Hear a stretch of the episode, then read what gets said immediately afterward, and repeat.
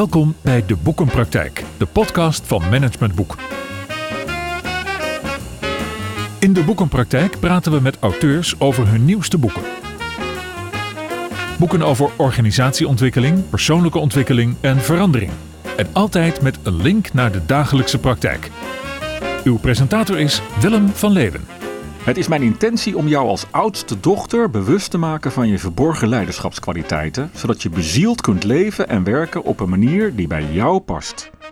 Zeg maar je eigen plek kunnen innemen. Deze intentie formuleert auteur Eike Borghuis in de inleiding van haar opmerkelijke boek Het verborgen leiderschap van oudste dochters. Eike Borghuis, ze is eigenaar en oprichter van Stroom 8 en expert op het gebied van oudste dochters, systemisch werk en leiderschap. Ze is auteur en spreker en host van haar eigen podcast, de Oudste Dochter Podcast.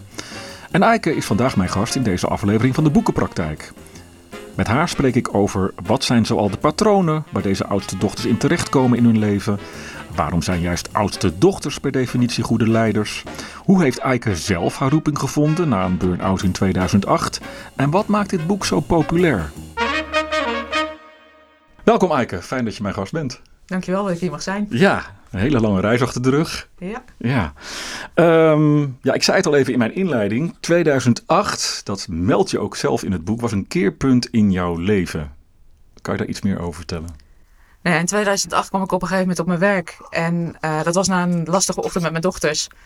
En ik kon alleen maar huilen. Hmm. En wat er op dat moment gebeurde is dat ik dacht... Ja, wat gebeurt me nu eigenlijk? Hè? Want ik, Ja. ik dacht, ja, weet je, ik moet gewoon mijn schouders eronder zetten. Dus ik had het gevoel dat ik gefaald had.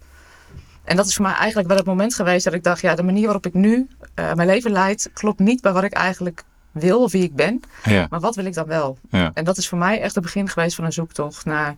Ja, wat is voor mij van waarde? Wat vind ik belangrijk? En hoe geef ik dat vorm? ja. En als je zegt van, ik, eh, ik, ik kon alleen maar huilen, maar ik, ik had toch nog steeds zo'n instelling van, ik moet gewoon mijn schouders eronder, in, eronder zetten. Ja.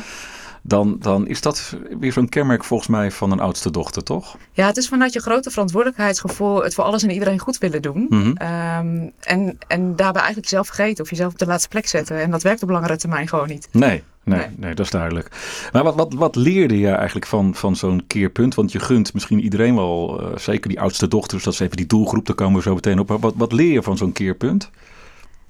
Nou ja, als je eenmaal op die bodem zit of, of weet dat je, dat je het zo niet meer wil, dan is het de enige manier wat je, wat je nog kan doen, is, is weer eh, ja, het anders gaan doen. En dus Mhm. kijken, ja, weet je, dit wil ik niet meer, maar wat wil ik dan wel? Ja. En voor mij is dat besluit nemen van, ja, weet je, dit is mijn leven en ik wil het op mijn manier leven, Mhm. is daarin heel bepalend geweest. Ja, ja, ja. En dat begint met dus persoonlijk leiderschap nemen over de- je eigen keuzes die je maakt. ja. En de- kennelijk heb je zo'n zo'n drama echt nodig of zo, om dat ineens helemaal te gaan beseffen van dit kan zo niet verder. Nee, als ik achteraf gezien terugkijk, is dat een terugkerend patroon geweest. Dat vastlopen, dat heb ik eerder in mijn leven herkend. Maar ja, Toen gewoon in de wind geslagen of Ja, heb schouders er weer onder en weer door. Even, Ja. even zorgen dat je hersteld bent en dan gewoon weer eigenlijk op de oude voet Ja. door. En op een gegeven moment dan mer- merken van ja, dit is niet wat ik wil. Of dit is niet eh, de manier waarop ik mijn werk wil vormgeven. Dit is niet de manier waarop ik het moederschap vormgeef op een manier die bij me past. Dus ik denk ja, het- ik wil het anders. Ja, ja. En ja, dat besluit nemen is toen heel krachtig geweest. Ja, nou, en dan komen we zo meteen op de reis die je zelf hebt afgelegd, onder andere met familieopstellingen. Ja. Maar het resultaat, of een van de resultaten van die reis, is natuurlijk dit boek. Jij gaat ineens aan de slag met oudste dochters. Waarom oudste dochters? Ja, ze zeggen wel eens, eh, jij kiest niet het verhaal, het verhaal kiest jou. Achteraf gezien werk ik al eh, vanaf de start van mijn bedrijf, 2012, met oudste dochters. Ik heb het alleen heel lang niet geweten. Hmm. En ja, Steve Hoe bedoel je dat dan? Er zaten mensen steeds in jouw groepen die gewoon oudste dochter waren? Ja, het, eigenlijk het kenmerk van alle klanten met wie ik werk is een groot verantwoordelijkheidsgevoel en gericht zijn op het versterken van dat geheel. En dat is natuurlijk ook dat systemisch werk. En in 2019 voelde ik van, hé, hey, er is een rode draad in mijn bedrijf en ik krijg hem niet helder. Dus ik ben Hmm. toen met een marketingcoach aan de slag gegaan van, ja, wat is nou die rode draad? Ja. Dus onderzocht van, nou, wat zijn nou die ideale klanten? Wat vind je nou het allerleukst? En eh, toen vroeg ze aan mij van, ja, wat is nou eigenlijk, wat hebben die oudste dochters of wat hebben die klanten nou met elkaar gemeen? En toen zei ik tegen haar, ja, dat het oudste dochters zijn. Hoe weet je dat dan? Nou, omdat ik met familieopstellingen werk, maak Oh. ik eigenlijk altijd met alle coachklanten eh, even in, breng ik in beeld van, hey, hoe ziet het gezin van herkomst eruit? Hmm. Omdat dat vaak heel bepalend is. Want sta je op die eigen plek, dan kun je vaak bij je eigen leiderschap is dat niet zo, dan loop je vast in die patronen. Ja, je vertelt nu gelijk heel veel in, één zin. ja. Sorry, ja, sorry, gewoon een kwartje. Waarvan de luisteraar misschien denkt, waar gaat het in godsnaam nog over? Maar ja. daar komen we denk ik wel in. Nou, laten we dan maar gelijk even naar die familieopstellingen gaan. Eh, je bent dat ook gaan doen, mede door die burn-out, als ik het goed heb begrepen. Ehm, wat, wat is een familieopstelling voor de mensen die dat nog even niet weten? Een familieopstelling is eigenlijk een methode die inzichtelijk maakt wat de onderlinge verbindingen zijn in een familie. Hm. En als je kijkt naar ehm, alle levende systemen, die hebben een aantal ja, natuurlijke principes die nodig zijn om het goed te laten gaan met, met iedereen in dat systeem. Ja. En als je bijvoorbeeld kijkt naar families, dan heb je een ordening. Je ouders nemen een andere plek in dan dat jij dat doet. Ja. Je ouders staan eigenlijk in de laag in, ja, boven jou Boven en jou, jij staat in de laag daaronder. Wat niet betekent dat de een meer of minder waard is, maar wel dat je een andere plek hebt in dat systeem. ja, de gezagslijn noemen ze dat ook wel eens volgens ja, mij. de gezagslijn. Ja. Ehm, vervolgens heb je, ehm, heb je is er sprake van een binding. Iedereen die bij dat familiesysteem hoort, die hoort erbij. Dus die Ja. heeft recht op een plek. Ja. En een van de principes is, er is een eh, balans in geven en nemen. Dus eh, ouders geven aan hun kinderen en kinderen hoeven alleen, alleen maar te ontvangen. Ja, maar goed, dan heb je die drie principes. Ja. Zo'n familieopstelling, laat het gewoon maar eventjes alsof we er met de camera bij staan. Dat gebeurt in een, in een, in een een ruimte, in een ja. zaal. En ehm, jij bent eh, bijvoorbeeld het, het leidend, voor, met, met korte ei denk ik, leidend ja. voorwerp van zo'n familieopstelling. Ja, Dan is er een therapeut die zegt tegen een aantal andere mensen, ga maar eens eh, die familie van, van jou symboliseren. ja klopt. Dus je broers en zusters, je ouders. En ga maar eens in de ruimte staan. Ja. Zeg goed hè? En Ja. dan? ja, en wat er dan gebeurt is, als daar een ervaren opstelling bij is, dan kun je eigenlijk zien van hoe verhouden mensen zich tot elkaar. Mhm. Ehm, stel, jij bent het kind, hoe verhoud je je tot je ouders? Voel je je grote, voel je je kleine? Ja. Kun je ze aankijken, kun je ze niet aankijken? Ja, ja. Ehm, Dus daar gebeurt heel veel ook in, in, in verbale en non-verbale, nou, vooral in non-verbale communicatie, denk Ja, ik. hè? klopt. Ja, Ja, en en- energie. Ja. Ja. en eigenlijk is het de energie die, die, die, in, dat, ja, die je in die opstelling oppakt, die ehm, eh, geeft inzicht in, in eh, het beeld wat je zelf hebt. Vaak heb je een beeld van hoe een familiesysteem eruit ziet. Als ik kijk naar mezelf, kan een beeld van hoe de relatie met mijn ouders is. Mhm. In die opstelling bleek eh, dat ik me groter heb gemaakt dan mijn, dan mijn ouders. Dus onbewust ben gaan zorgen voor mijn ouders. Heeft niemand mij gevraagd, het is wel wat ik ben gaan doen. ja. Ehm, En waarom ga, ga je zoiets doen? Ehm, vaak omdat je voelt dat, dat je ouders je nodig hebben. Of omdat je voelt van hé, hey, als ik voor mijn ouders zorg, dan, ehm, dan, dan voel ik me groot en belangrijk. En dat, dat voelt prettig als kind, want je wil eigenlijk dat het goed gaat met je ouders. Ja, eigenlijk zeg je dus, je gaat voor je ouders zorgen terwijl je zelf nog kind bent. Hè? Want het is Klopt. denk ik ook wel weer heel normaal als je volwassen bent en je ouders zijn krakkemikkerig, dat je dan een beetje voor je ouders gaat zorgen. klopt. Maar dat is iets anders. Maar het maakt heel erg verschil vanuit welke innerlijke houding je dat doet. Ja. Denk je van hé, hey, mijn ouders hebben mij nodig en daarom ga ik voor ze zorgen. Dan is Mhm. dat anders als dat je je ouders zorg nodig hebben. En je vanuit je volwassen plek zorgt voor je ouders. Ja. En dan eh, als je vanuit je kindplek eh, gaat zorgen voor je ouders, dan gaat die balans. eh, Ja, dan maak je je eigenlijk onbewust groter. En Mhm. ehm, eh, dat voelt groot en belangrijk, maar je bent tegelijkertijd ook minder vrij om je eigen keuzes te maken. Ja. En dan denk je, ja, hoe, hoe vervelend is dat? Maar wat je bijvoorbeeld merkt, is dat dat patroon, dat herhaal je in je werk. Dus het patroon wat ik uit mijn gezin kende, van me groot te maken, Uh-huh. herhaalde ik bijvoorbeeld in mijn werkcontext. Waarin ik onbewust heel hard werkte, erkenning zocht bij mijn leidinggevende, het niet kreeg. Ja. Ehm, en ook vervolgens dat daar strijd ontstond. Mhm. En pas achteraf, na het doen van een opstelling, werd voor mij duidelijk van... hé, hey, ik zit aan de stoelpoot van mijn leidinggevende te zagen.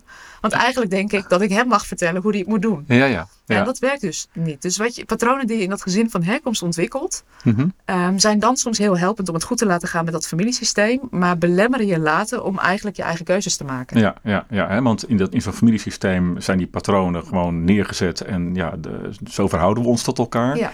Maar als je dan later bijvoorbeeld in een team gaat samenwerken of met een leidinggevende moet gaan samenwerken, dan kunnen die patronen wel eens heel ineffectief zijn. Ja, Omdat je bijvoorbeeld in een gezin altijd min of meer, zelfs als kind, een soort leidings, leidende positie had. ja.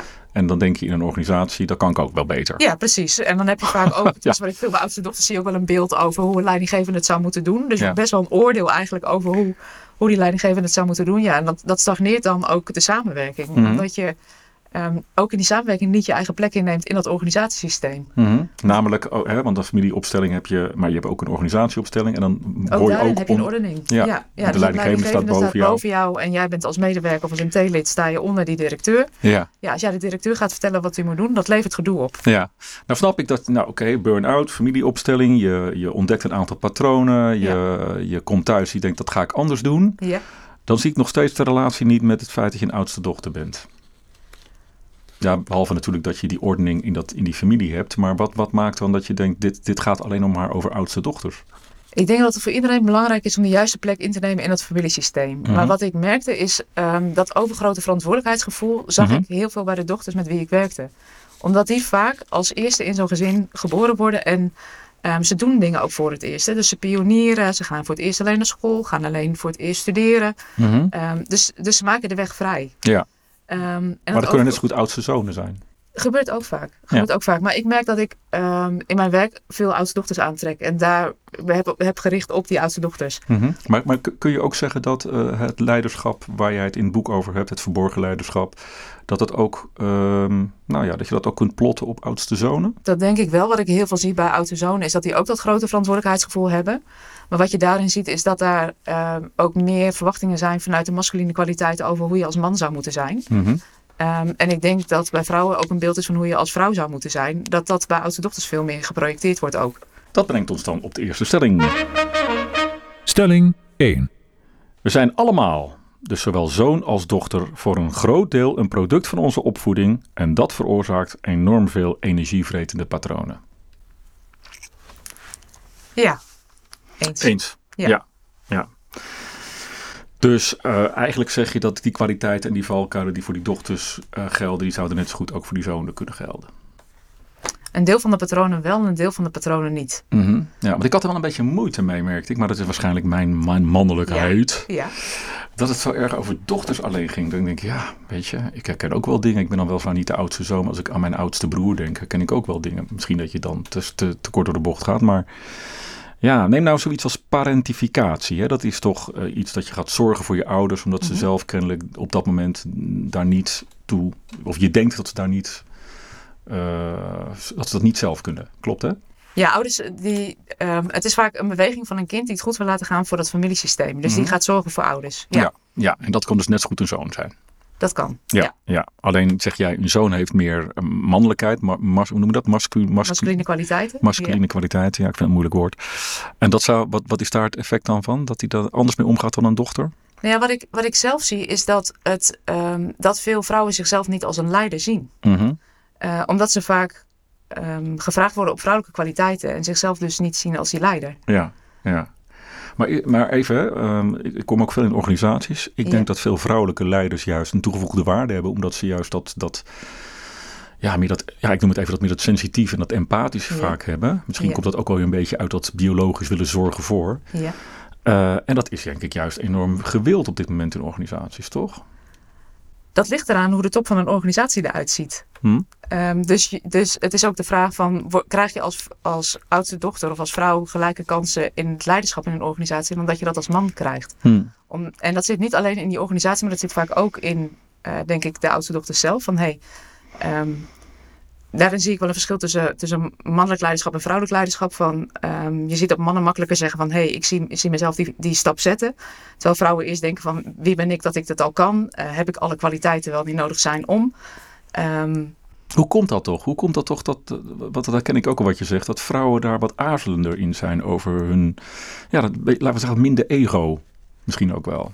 Ik denk dat dat heel erg te maken heeft ook met. Is dat niet gewoon biologisch bepaald? Nou, ik denk ook de context waarin je opgroeit. Hm. Ik denk dat, dat er van mannen een ander beeld is wat ze zouden moeten doen. of hoe ze succesvol zouden kunnen zijn dan voor vrouwen. Nog steeds toch een, een ouderwets opvoedkundig beeld wat we met, met elkaar hanteren. Is ja, en dat is niet. is dat, het niet zo dat wij zijn de mannen als dit zijn de jagers en de vrouwen zijn de verzorgers? En dat zit nog steeds heel erg in ons. Ja, dat klinkt een beetje lullig, maar. Ja, ik denk dat dat voor een deel nog steeds meespeelt. Op het moment dat ik carrière maak, wordt aan mij gevraagd van hey, hoe combineer je dat met je gezin? Als Ja. een man carrière maakt, krijg Ja. je die vraag niet. Ja. Ja. Als ik op reis ga naar Australië in mijn eentje, dan krijgt mijn man aangeboden: wil je mee eten?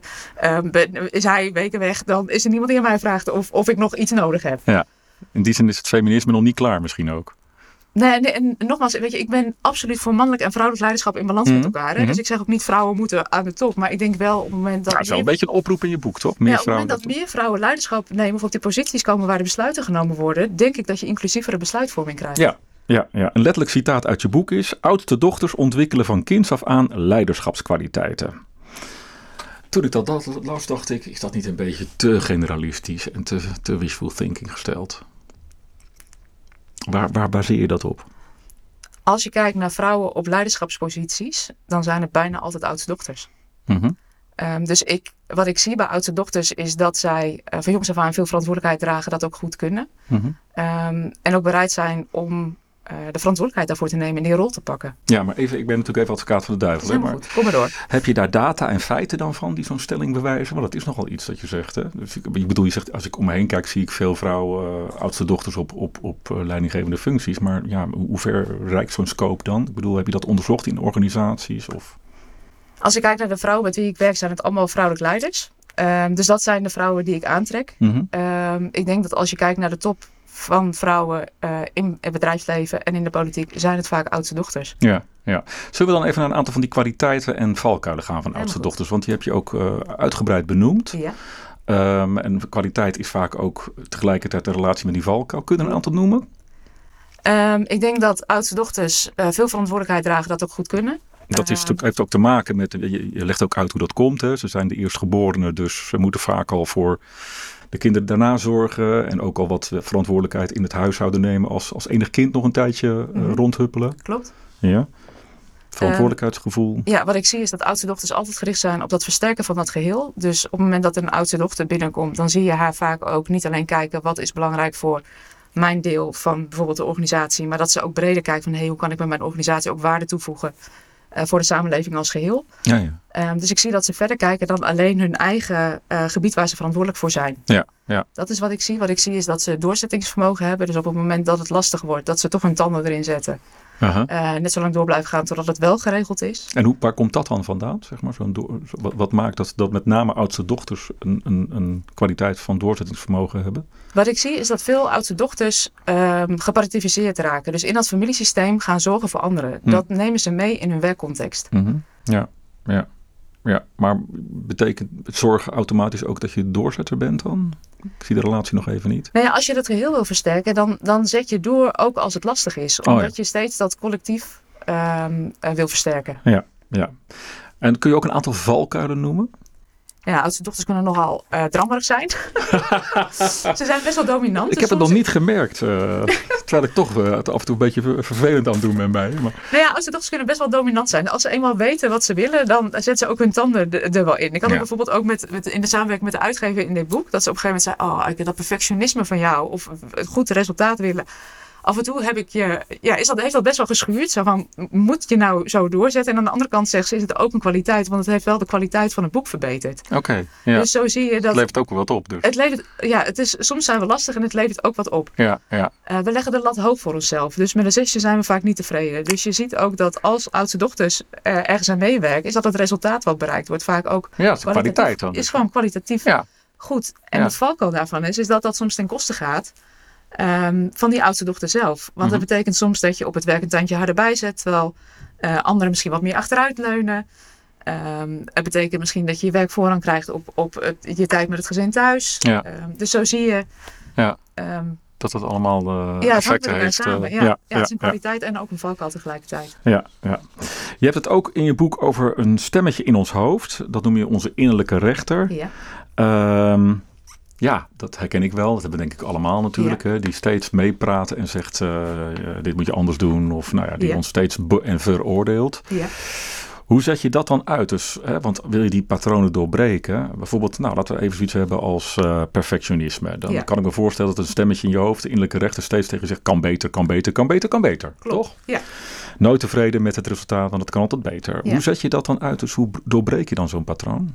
Nou wat, wat ik heb gemerkt zelf en ook in het werken met klanten is dat eh, dat hoofd dat gaat wel door. Dat Mhm. blijft gewoon tetteren en vaak zie je dat dat stemmetje luider begint te spreken op het moment dat je dingen gaat doen die buiten je comfortzone liggen. Ja. Ehm, het kan heel erg helpen om dat stemmetje te herkennen, en maar je er niet door te laten leiden. En waar ik in geloof en wat ik zelf ook weet en ervaar, is dat je ook altijd die zachtere stem hebt in je lijf. Die eigenlijk het beste met je voor heeft. Dus het gaat voor mij ook om die beweging om die dochters wat meer uit dat hoofd te laten komen. En wat meer te vertrouwen op die intuïtie en dat innerlijk weten wat er ook gewoon is. Oké, en daar moeten we even naartoe, denk ik. Hè? Ja. Want dat is voor mensen misschien nog wel wat abstract. Ja. Eh, we herkennen denk ik allemaal wel ons brein en ons in je, in je hoofd zitten en het stemmetje in je hoofd. Maar je hebt het ook over het stemmetje in je lijf. Ja. Ehm, Het is eigenlijk de stem van, van de ziel die, die we eigenlijk ook allemaal hebben. Maar ja, die, maar hoe, hoe, hoe kan ik die ontdekken? Hoe kan ik die, hoe kan ik die, hoe kan ik die, ja, hoe kan ik die ontdekken? Nou, sowieso wat mij helpt is herkennen sowieso dat die innerlijke rechter eh, aangaat. En tegen die innerlijke rechter st- of stem zeggen van... hé, hey, ik hoor dat je er bent, eh, maar ik luister nu even niet naar je... en eigenlijk je aandacht naar binnen richten. Hmm. En voor mij helpt dat eh, om in ieder geval goed adem te halen... te zorgen dat mijn ademhaling in, in mijn buik is... dat ik aanwezig ben in het hier en nu. Mhm. Ehm, en dan kan ik die stem en die, die stem van de intuïtie ook gewoon beter horen. Ja.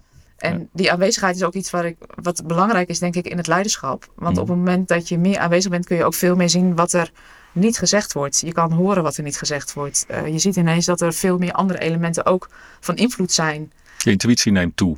Is dat wat je Ja, ja en, je, en je, je neemt ook meer waar. Ehm, nee, stel dat, stel dat er, dat er eh, hier spanning is aan tafel en je ziet dat twee mensen dat dat, dat schuurt. Mhm. eh, dan kan je heel erg inzoomen van hé, hey, wat gebeurt er in, in de interactie tussen die twee mensen? Of je kan kijken, hé, hey, eh, wat is voor die mensen zo belangrijk dat ze, dat ze hier een punt van maken? Ja, maar dat doe je- met je hoofd, toch? Dat is gewoon even nadenken over welke... Ja, maar op het moment, je kan het alleen maar horen of waarnemen op het moment dat je echt aanwezig bent in je lijf en in het moment. Dus present bent als leider of present bent in je aanwezigheid. Ja, want dan kun je de- buiten die energie blijven die je voelt of Ja, zo. En je eigen, ja. bij je eigen energie blijven. Ja, dat en, en word je ook niet verantwoordelijk van dat het tussen die twee mensen goed gaat. eh, wat misschien een familiepatroon is waar je, waar je in duikt om, om die spanning weg te halen. Mhm. Maar kun je ook, ook benoemen van hé, hey, ik neem waar dat er spanning is. Eh, wat is jouw belang, wat is mijn belang? Ja. En wat is eigenlijk de bedoeling van waarom we doen wat we doen? Ja, En als je die centraal ste- stelt, zie je vaak dat mensen weer bereid zijn om naar elkaar te luisteren. Of naar elkaar ehm, ja, te kijken samen hoe gaan we dit, dit tot een goed eind brengen. ja.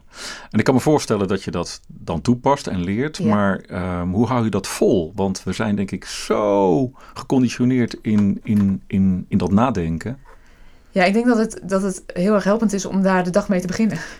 Oké, Ehm, dus een patroon van te maken. Ja, om, om eigenlijk je ochtends eerst te verbinden met jezelf. Wie ben ik? Wat is voor mij van waarde? Wat, wat, ja, wat is mijn intentie van de dag? En die mee te nemen eigenlijk in alles wat je in de loop van die dag doet. Ja, ik vind het wel mooi. Je geeft ook een voorbeeld van eh, dat, dat je ontdekt dat je je vrijer wil voelen. Ja, En dan zeg je ook in het boek van elke ochtend stel ik mezelf de vraag: wat ga ik vandaag doen om me vrij te voelen, toch? ja klopt. Ja. En, en, en om te kijken, wat is, wat, vind ik, wat is voor mij van waarde? Wat is voor mij belangrijk? En hoe geef ik dat vorm in de dag? Ja. En lukt Ja. dat dan ook? Als je reflecteert ook aan het eind van de dag van is dat gelukt? Of? Ik, ja, niet alleen aan het eind van de dag. Ik pak Oh. hem heel regelmatig terug. Ja, ja. Ehm, wat ik merk als ik ochtends meteen volle bak eh, aan het werk ben met klanten. eh, meteen met mijn aandacht bij mijn gezin ben. Dan beweeg ik mee in wat mijn omgeving van me vraagt. Mhm, Terwijl als ik eerst zorg dat ik die verbinding met mezelf heb gemaakt. mhm. Ehm, dan kan ik iedere keer weer terug naar mezelf en kijken hoe kan ik hier het meeste waarde toevoegen. Ja, oké. En dat hoofd, dat, dat, daar schiet ik ook wel in. Eh, ehm, weet je, ik ben ook gewoon een mens, dat, dat Mhm. gebeurt. Maar het is iedere keer weer terug naar die eigen plek. Ja, ja, ja, ja. En eh, bijvoorbeeld in dat gesprek nu, hoe zit dat nu? Hoe, hoe ervaar je dat nu? Ben je nu ook heel erg in je lichaam en, in- en op je eigen plek, zoals jij dat zo mooi zegt? Dat probeer ik wel erg door mijn voeten goed op de grond te zetten. Iedere keer die ademhaling weer eh, naar mijn buik te brengen. Want ik merk ook, dit is spannend. Dit is voor mij een nieuwe context. Mhm. Eh, je, je stelt prikkelende vragen. Dus het is ook kijken van, hey, hoe kan ik iedere keer weer terug naar mezelf. Ja, ja. Luisteren, wat gebeurt er in mijn lijf? Wat neem ik waar? En van daaruit weer Ja, dus dat is wel een soort van bewustzijn wat je wel steeds moet aanzetten van oh, weer even naar mezelf, even voelen. Ja. Waar, hoe zit het met mijn ademhaling? Heb ik mijn voeten nog op de grond? Of Ja. ben ik nog echt helemaal bij mezelf? Ja, en ik merk ook dat er wat anders gebeurt in mijn aanwezigheid. Op het moment dat je echt aanwezig bent in het hier en nu, dan hebben we een ander gesprek als dat we eh, van hoofd tot hoofd een gesprek hebben met elkaar. Want wat maakt het anders? Eh, maar ik denk dat er meer verbinding ontstaat Ja. als je allebei aanwezig bent hier. Ja. Want is het ook zo dat, ik het, ik, dat de ander het voelt en merkt dat jij meer ja, dichter bij jezelf bent? Een beetje een retorische vraag volgens mij. Maar Ja, dat denk ik wel. ja, Ja. ja. Ik, je merkt het alleen al met kinderen. Ik heb in het verleden wel eens gehad, als ik dan thuis kwam aan mijn werk en ik zat nog vol in mijn hoofd, dat mijn kinderen aan mijn, aan mijn trui stonden te trekken. Mama, waar ben je? En dat ik dacht, ja, maar ik ben toch hier? ja. Maar ik denk, ja, ik ben fysiek aanwezig, maar ik ben emotioneel helemaal niet beschikbaar. En die kinderen hebben die antenne natuurlijk feilloos, Feilloos, nog. eh, feilloos. En ik merk het ook in groepen. Op het moment dat ik niet, niet goed in verbinding ben met mezelf, dan krijg je gesprekken van hoofd tot hoofd. Terwijl op het moment dat ik aanwezig ben, zie je dat de verbinding ontstaat in die groep. En dat we dus op een andere laag, of een diepere laag met elkaar het contact of de verbinding aangaan. Ja, En ja. ik denk dat dat helpend is. Ja, ja, dus ademhalingsoefeningen, meditatie wellicht, aarden, zo noemen ze dat, Ja. met je voet op de grond. Dat Ja. zijn allemaal van die hulpmiddelen om ja, toch iets abstracts als meer in je lichaam eh, te zijn, eh, toe te passen. Ja, voor mij helpt schrijven. S ochtends is het altijd eerst even een paar pagina's schrijven. Van, van Julia Cameron, de Morning Pages. Die helpt mij om eigenlijk alle, alle gedachten die in mijn hoofd zitten, om die in ieder geval op papier te zetten. Want dan zijn ze uit mijn systeem. En dan kan ik weer openen, Ja, luisteren, hoe werkt dan? Sta je 's ochtends op en dan Ja. alles wat in je hoofd schiet ga je opschrijven. Van wat een rot weer of wat een... Ja, en wat, wat zit er in mijn hoofd? En eh, hoe gaat het met de mensen om me heen? En eh, wat, wat komt er nog meer in me op? Waar, waar, Maar wat, wat is het effect daar dan van? Dat je dan uit, meer uit je hoofd bent of zo? Ja, dat, dat het een plek heeft. Ja, eigenlijk dat er, dat er meer ruimte ontstaat in mijn hoofd en in mijn lijf om aanwezig te zijn. En ik weet dan vaak ook van, hé, hey, dit is waar ik vandaag het, ja, mee bezig wil of het verschil in wil maken. Ja. Dus ik merk dat ik me minder laat leiden door wat er allemaal op me afkomt, maar dat ik zelf meer, veel meer aan het stuur zit en bepaal, dit is mijn intentie voor de dag en dit is wat ik ga doen. Ja, en dit Ja. zijn ook allemaal elementen die, want je traint ook oudste dochters. Klopt, Hè? ja. Dit zijn ook elementen in jouw training die je nu vertelt? Ja, er gebeurt ook iets anders. Als je, stel dat je een vergadering voorzit en je, je komt net eh, van buiten naar binnen rennen en je gaat, voor, je, gaat, je gaat zitten en je begint. Ja. Dan is de kwaliteit van een vergadering heel anders als dat je eerst jezelf centert, zorgt dat je aanwezig bent. Even contact maakt met de aanwezigen die hier zijn.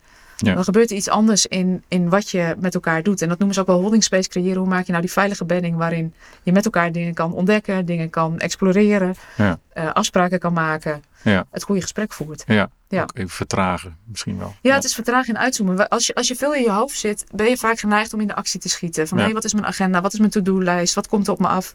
Ja. Terwijl als je uitzoomt, kan je kijken, hé, met welke dingen die ik vandaag zou kunnen doen, kan ik het grootste verschil maken. Ja, maar even, veel mensen zeggen natuurlijk hierop, ja, maar ik heb het gewoon druk en ik hol van de ene overleg naar het andere overleg eh, via Zoom en via Ja. Teams of gewoon fysiek in de organisatie.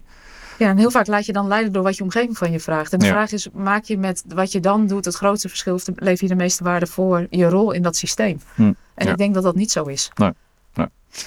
Lees je wel eens boeken zelf? Ja, graag. Ja? Ja. Wat, wat, is, eh, wat is een, een boekentip die jij ons zou willen geven? Ja, ik vind Julia Cameron vind ik een heel gaaf boek, The Artist Way. Mhm. Ehm, wat ik een heel inspirerend boek vind, is Kinderen van Moeder Aarde van Thea Beckman.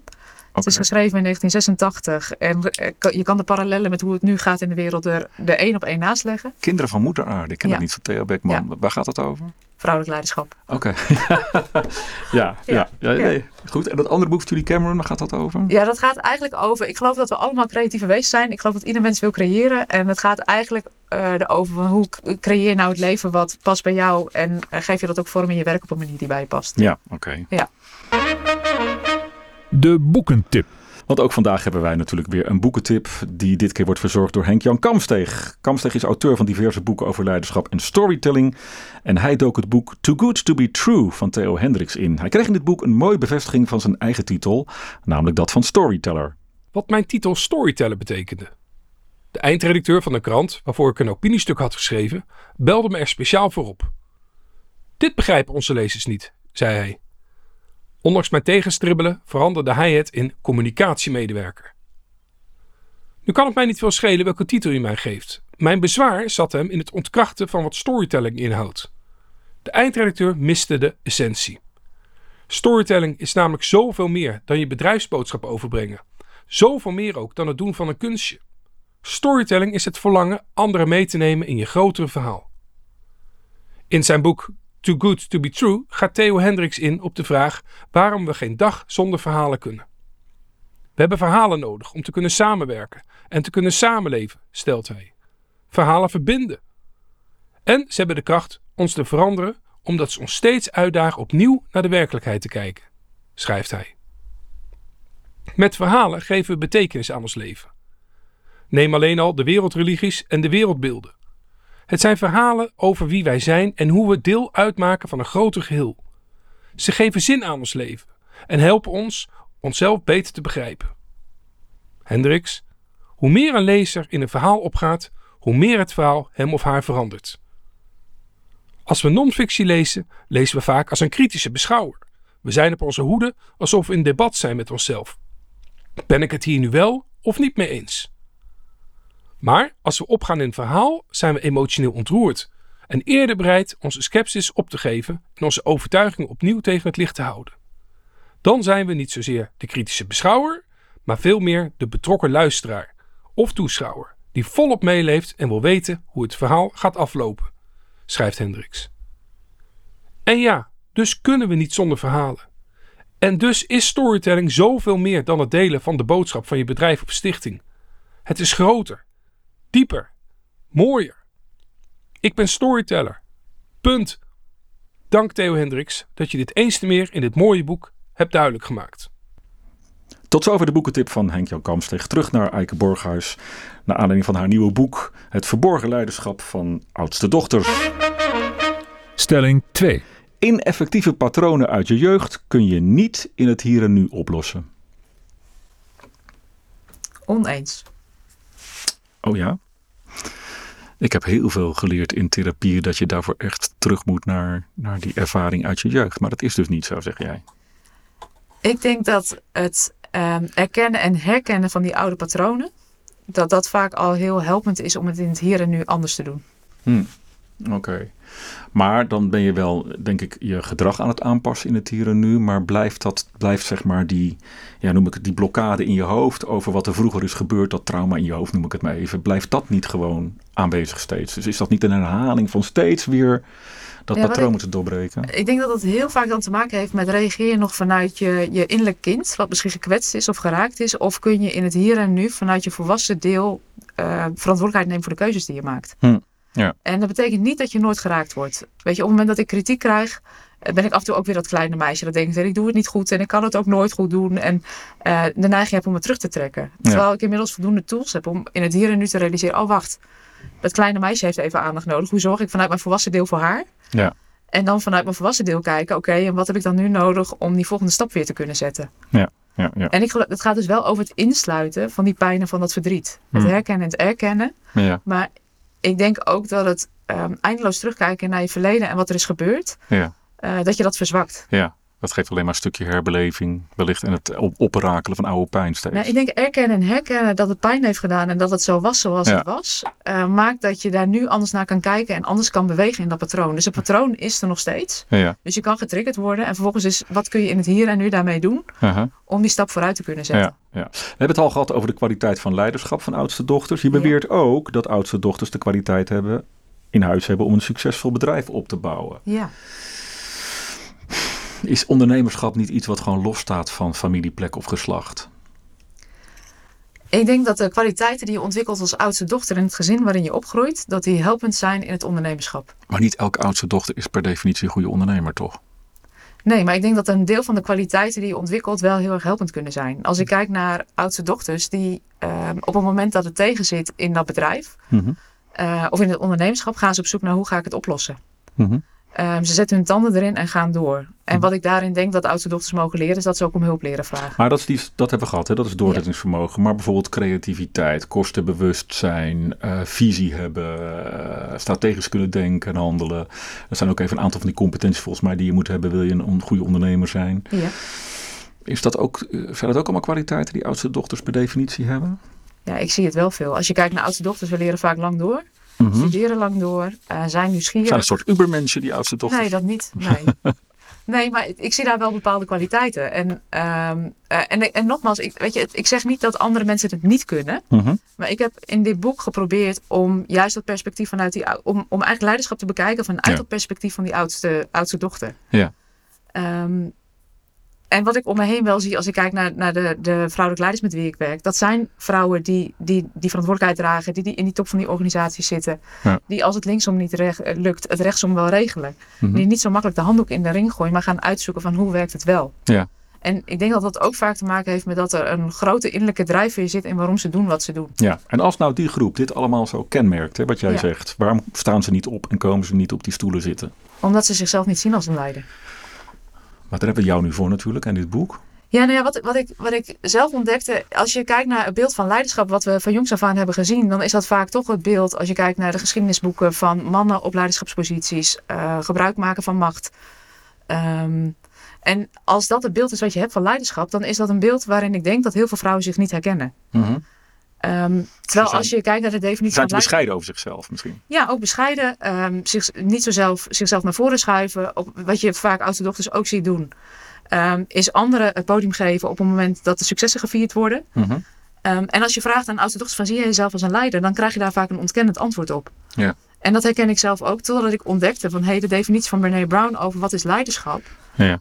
Dat is eigenlijk het, het zien eh, van het potentieel in mensen en de moed en de lef hebben om dat te ontwikkelen. ja, maar leiderschap is nog geen ondernemerschap. Hè? Dat zijn voor mij wel twee verschillende dingen, toch? Ja, dat is waar. Ehm, Dank je. Het zijn twee verschillende dingen. En ik denk dat, dat die twee eh, eh, wel raakvlak hebben met elkaar. Want? Ehm, om een leider te kunnen zijn, moet je ondernemend zijn. Oh, wacht even. Ik wou ja zeggen. Om een leider te kunnen zijn, moet je ondernemend zijn. Hoezo? Omdat ik denk dat je een visie moet hebben. Ik denk dat je als leider een beeld hebt over waar je in de toekomst na- naartoe wil. Of een bepaald verlangen wat je hebt. Oh ja. ja. Om dat te zien in de wereld. En in leiderschap ehm, baan je er nog niet gebaande paden. Ja. Dus dat vraagt dat je ondernemend bent. Dat je creatief bent in nieuwe manieren ontdekken. Als het linksom niet gaat, hoe gaat het rechtsom? Ja. En dat vraagt ook volgens mij vertrouwd zijn met het niet weten. Dat je, dat je wel een verlangen voelt van hier wil ik naartoe. Dat je nog niet weet hoe het eruit ziet. En dat je dat niet weet ook kunt uithouden. Oké, ja. En je hebt het niet alleen over leiderschap in je boek, maar je hebt het ook nog eens over systemisch leiderschap. Ja, dat is nog even een extra verdieping, vind ik, een extra dimensie. Kun je uitleggen wat dat is? Ja, voor mij gaat systemisch leiderschap over het versterken van het geheel. Mhm. Ehm, dus het gaat niet alleen over het versterken van jouzelf als systeem. Dus niet alleen om het jezelf goed te laten gaan, maar ook van met wie je bent en wat je doet.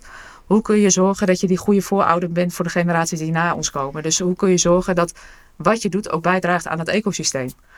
Ehm, en dat je dus binnen die marges blijft. Ja, ja, ja, maar ook volgens mij dat je goed kijkt naar onderstromen in organisaties. Ja, eh, wat, eh, en dat je, dat je daar oog en oor voor hebt en dat je daar juist op, op interveneert en acteert. Ja, en dat lukt alleen als je aanwezig bent in het hier en nu. Dus dat vraagt ook weer die aanwezigheid in je leiderschap. Want op het moment dat je met elkaar in een vergadering zit en iedereen is van hoofd tot hoofd met elkaar Mhm. eh, in gesprek, dan worden vaak interventies gedaan op gedrag. ja. Ehm, terwijl als je een patroon te pakken hebt, dus één keer is een incident, twee keer is toeval, drie keer is een patroon, Mhm. dan is het helpend om te kijken wat zit er in die onderstroom waardoor dingen niet lukken. Ja. Een tijd geleden kreeg ik ook weer de vraag van, goh, zou je ons kunnen helpen met een team? Want ze, ze bespreken de dingen niet goed met elkaar, het feedback geven gaat niet goed, ze werken niet goed met elkaar samen. Mhm. En toen vroeg ik, ja, wat hebben jullie al gedaan? Ja, we hebben al drie keer eerder een feedbacktraining gedaan. Ik zei, ja, dan gaat die feedbacktraining dus niet helpen. Nee. Dan zul je moeten kijken van wat maakt dat het onveilig is of wat er aan de hand is om eh, elkaar niet aan te spreken in, dit, in, dit, eh, in die samenwerking. Ja. Dus dan heb je wat anders te doen met elkaar. Ja. En En dan, ik- dan, dan kom je erachter dat een aantal ineffectieve patronen in zo'n team eh, Ja. heersen. Namelijk de mensen met de grootste bek, die hebben het voor het zeggen. En Ja. die creëren ook een stukje onveiligheid. Als je een fout maakt, dan wordt het gelijk afgestraft. Ja. Dus dat zorgt voor die onveiligheid. En dan heb je dat op tafel en dan? Ja, en dan is het vervolgens de vraag, en wat is er dan voor nodig om die veiligheid wel te krijgen? Want op het moment dat het op tafel ligt, kun je het erover hebben met elkaar. En Mhm. kun je met elkaar nieuwe, nieuwe afspraken maken of een andere manier van Maar daarmee verandert het gedrag toch niet? Dan heb je alleen een afspraak gemaakt. He- ja, kwaliteit van de interactie. Wat, wat, wat, wat je ziet gebeuren is dat de interventies vaak gebeuren op gedrag. We moeten elkaar beter aanspreken. Dus we gaan het hebben over dat we elkaar beter moeten aanspreken. Ja, ja. Ehm, als daar de oorzaak niet ligt, maar de oorzaak ligt in die onveiligheid, dan zul je het met elkaar moeten he- hebben over wat hebben we met elkaar nodig om een veilige setting te maken waarin we Mhm. elkaar wel kunnen aanspreken. Ja. En dan helpt het om het niet te hebben alleen over personen, maar bijvoorbeeld over functies die je hebt in het systeem. Mhm. En dat is wat volgens mij ook de kracht is van het systemisch werken. Je hebt het niet per se, per se over hoe werken wij met elkaar samen, maar je hebt het ook over wat voegen deze rollen toe voor dat systeem. Mhm. Eh, dus je hebt het veel meer over ehm, wat is er nodig om, om de taak en het doel te bereiken, of bedoeld te, de bedoeling te bereiken van waar we aan samenwerken. Ik vind het wel erg rationeel klinken. Ja, het, en dat, ik denk dat dat het mooie is. Het is, Mhm. Ja, stel je vraag. Nou ja, misschien wil ik even een bruggetje maken naar de derde stelling. Dan kom ik, kom ik Ja. op mijn vraag. Ja. Stelling 3. Ons natuurlijke leiderschap wordt continu negatief beïnvloed door het fenomeen afwijzing.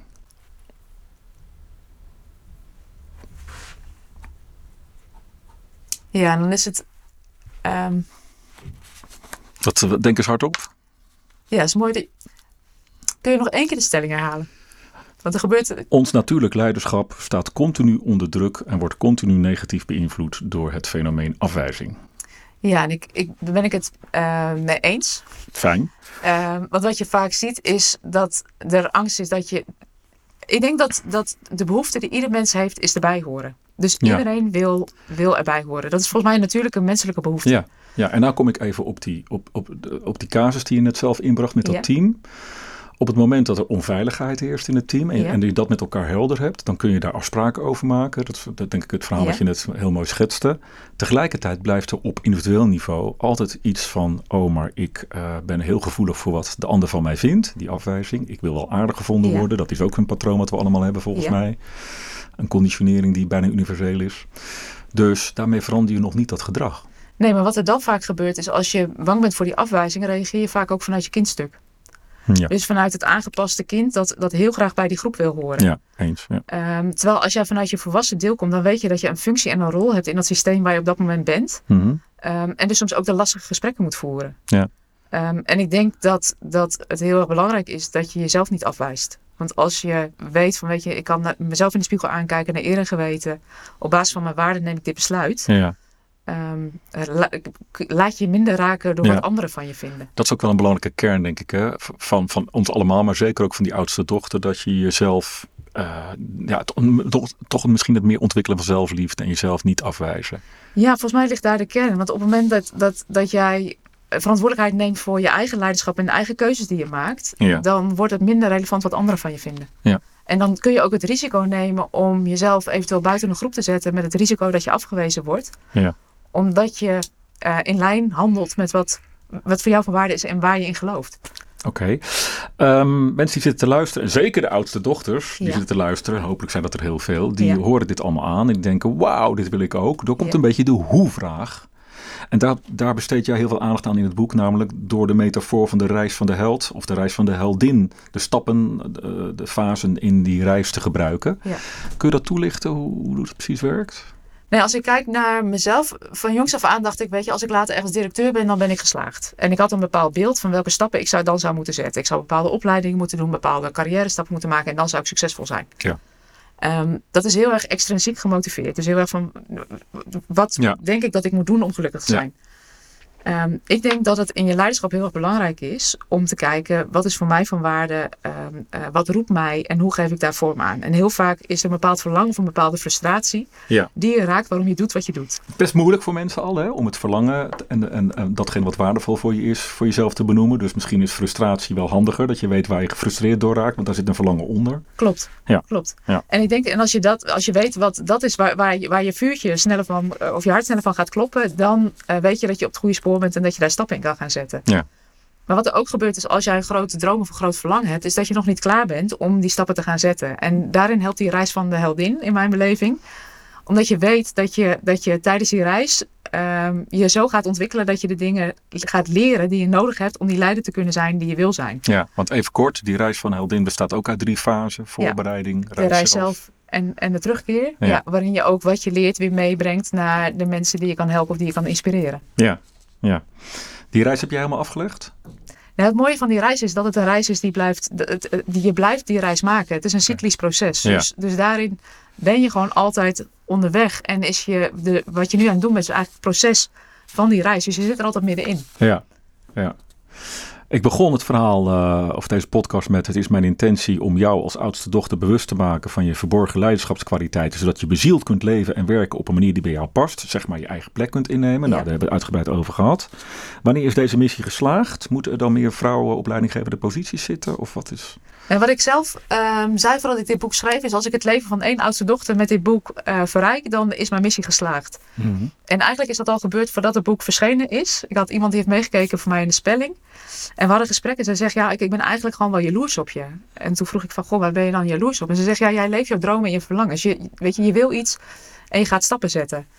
Ehm, en we waren in gesprek en ze zei, ja, eigenlijk zou ik wel redacteur willen worden. En we raakten in gesprek. Ik zeg, volgens mij hoor ik je wat anders zeggen. En ehm, toen zei ze, ja, eigenlijk zou ik het liefst willen schrijven. Ja, ja. En ja, eigenlijk wat er gebeurde is, is nadat ze het boek heeft gelezen, krijgt de dag daarna een mailtje van, hey, ik heb mijn eerste blog geschreven en ik heb hem online gezet. Eh, en dat is gebeurd naar aanleiding van dit gesprek. ja. Dus de uitnodiging van dit boek is ook, weet je, van ehm, voel dat verlangen en kijk hoe je in beweging kan komen. Want dat is wat ik oudste dochters vaak zie doen. Ze hebben grote dromen. Maar omdat het zo groot is, zetten ze die eerste stap niet. Dus ja, wat kun je doen om die eerste Ook stap dat te is weer universeel, denk ik. Hè? Ja. Dat er veel mensen zijn, er hoef je niet een oudste dochter of een oudste zoon te zijn, die gewoon hun droom niet naleven. Want we zijn bezig met alsmaar te kiezen voor veiligheid en wat een ander van ons vindt. Ja, en daarin denk ik van, ja, hoe kun je kiezen voor de liefde voor jezelf, voor, voor de liefde voor de mensen om je heen en daarin die, die stappen gaan Het zetten. straalt helemaal. Ja, Ja, dat nee, daar word ik ook blij van. Ja, ja, ja. de, de slotvraag die ik eh, bijna altijd stel eh, in, de, in deze podcast is: welke, welke bekende Nederlander, welke bekende Nederlandse oudste dochter gun jij dit boek? Ik heb het eh, Amalia, denk of eh, ja. Oh ja, dat is wel leuk. hè? Ja. Ja. Ja. ja, die zou je eigenlijk gewoon even toe moeten sturen of misschien wel langs moeten brengen. ja, dat zou wel, ja. weet Want je. heeft zij nog wel iets te ontwikkelen, denk jij? Nou ja, wat ik, als je kijkt naar, naar Amalia en de context waarin zij, zij zit, is dat zij ook in een systeem opgegroeid is waarin er al heel veel verwachtingen van haar zijn. Oeh. Dus ik denk dat, Ja. dat, een, dat dat voor haar extra lastig is om dat leiderschap helemaal van binnenuit vorm te geven. En als ik kijk hoe ze dat nu al doet en hoe ze zich staande houdt en ook als ik haar boek heb gelezen, weet je, dat, dat, dan zit daar gewoon heel veel wijsheid in haar al op dit, dit moment, op deze leeftijd. Dat vind ik gewoon Ja. heel inspirerend. Ja, ja, Ja. mooi. Dankjewel. Ja, Ik vond het een inspirerend gesprek. dank En ook wel prikkelend. Ja. dat was het ook wel. ja. Het boek van Eike Borghuis, Het verborgen leiderschap van oudste dochters, uh, kun je natuurlijk bestellen via managementboek.nl. Dankzij dit boek en ook dankzij dit gesprek ben ik veel meer te weten gekomen over de patronen waar deze oudste dochters in terechtkomen en hoe ze dat kunnen veranderen. Ik verwijs jou als luisteraar van deze podcast heel graag naar de volgende aflevering, die weer over twee weken op alle grote podcastkanalen te vinden zal zijn. En ook daarin spreek ik weer met een auteur over zijn of haar opmerkelijk recent verschenen managementboek of persoonlijk ontwikkelingsboek. En plotten we de strekking van dit boek op een actuele casus uit de praktijk. Rest mij hartelijk te danken voor het beluisteren van deze podcast. Heb je vragen, opmerkingen of suggesties? Mail dat dan SVP naar ons mailadres info.managementboek.nl Tot zover de praktijk van boeken. Kijk voor meer afleveringen of een abonnement op de boekenpraktijk op managementboek.nl/slash podcast. Je vindt ons ook op Spotify, Apple Podcast, Google Podcast en Podimo. Hartelijk dank voor het luisteren en graag tot de volgende podcast.